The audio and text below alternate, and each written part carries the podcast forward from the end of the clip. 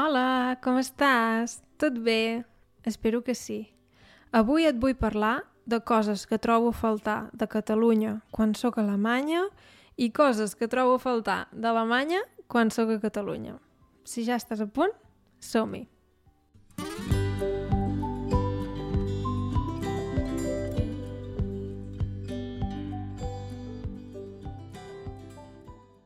Fa uns dies vaig penjar un vídeo en què us demanava que em donéssiu idees pel podcast. I una d'aquestes idees és aquesta.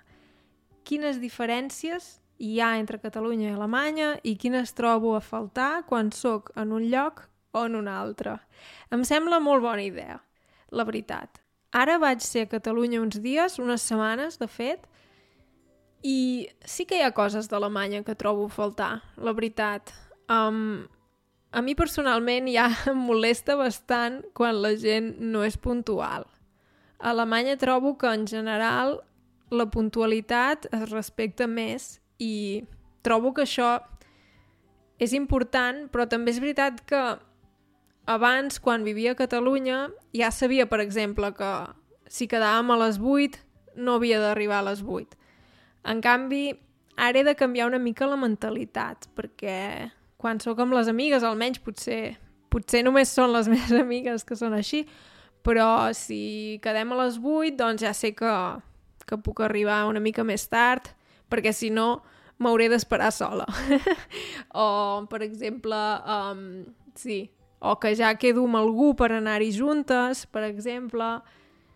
Sí, trobo que la puntualitat és un tema que, que trobo faltar quan sóc a Catalunya, o quan, per exemple, si sóc a Alemanya i dic amb una amiga o amic de parlar per videotrucada, sí que de vegades em molesta perquè la persona em fa esperar.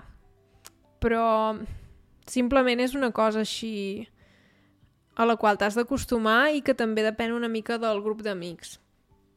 També, evidentment, trobo a faltar els meus amics alemanys quan sóc a Catalunya. I una cosa que, per exemple, crec que ja he comentat trobo que les ciutats alemanyes són més verdes. Llavors, per exemple, quan era a Barcelona, trobava a faltar una mica els parcs que hi ha aquí.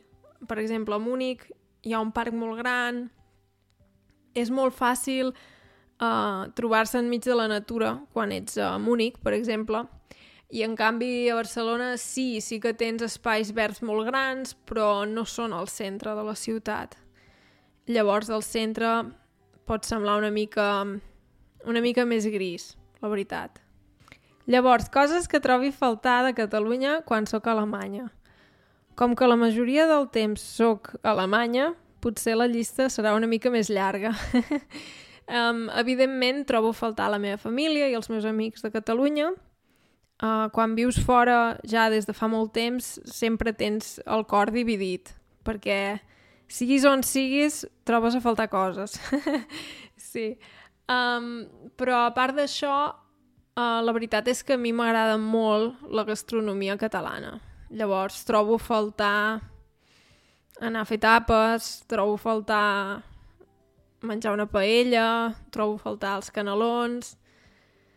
Sí, a nivell gastronòmic, la veritat, sí, trobo... Potser és perquè he crescut a Catalunya, però i també hi ha coses molt bones a Alemanya, però la gastronomia em sembla, a mi personalment, i una cosa molt subjectiva, però, però a mi em sembla millor a, a Catalunya.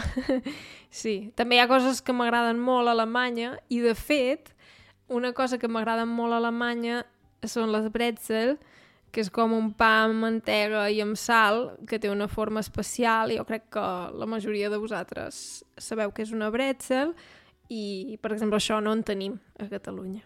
Vull dir que sí, i és una cosa que moltes vegades eh, faig els diumenges, anar a passejar i menjar una bretzel, eh, per exemple, amb la meva parella, i sí, vull dir que que no ho pots tenir tot, perquè sempre, sempre hi haurà alguna cosa que aquí no tens o allà no, no tens, etc.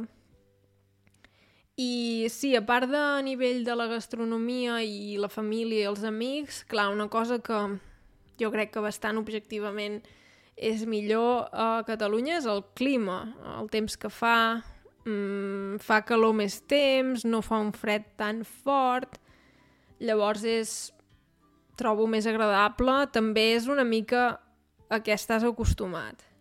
Però també és veritat que a mi m'agrada molt la neu.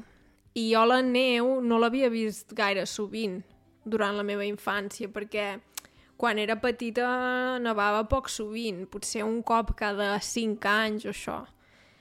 En canvi, a Alemanya gairebé cada any neva i per mi sempre és una cosa molt especial. Vull dir que realment és difícil decidir. Jo a Alemanya m'hi sento força gust, a Catalunya també, però cap dels dos llocs no és perfecte ni ideal. Clar, a nivell laboral pot ser més atractiu viure a Alemanya, però també és veritat que és tot més car, la vida és més cara, llavors, no ho sé. Mm, crec que és una mala idea decidir només per temes econòmics.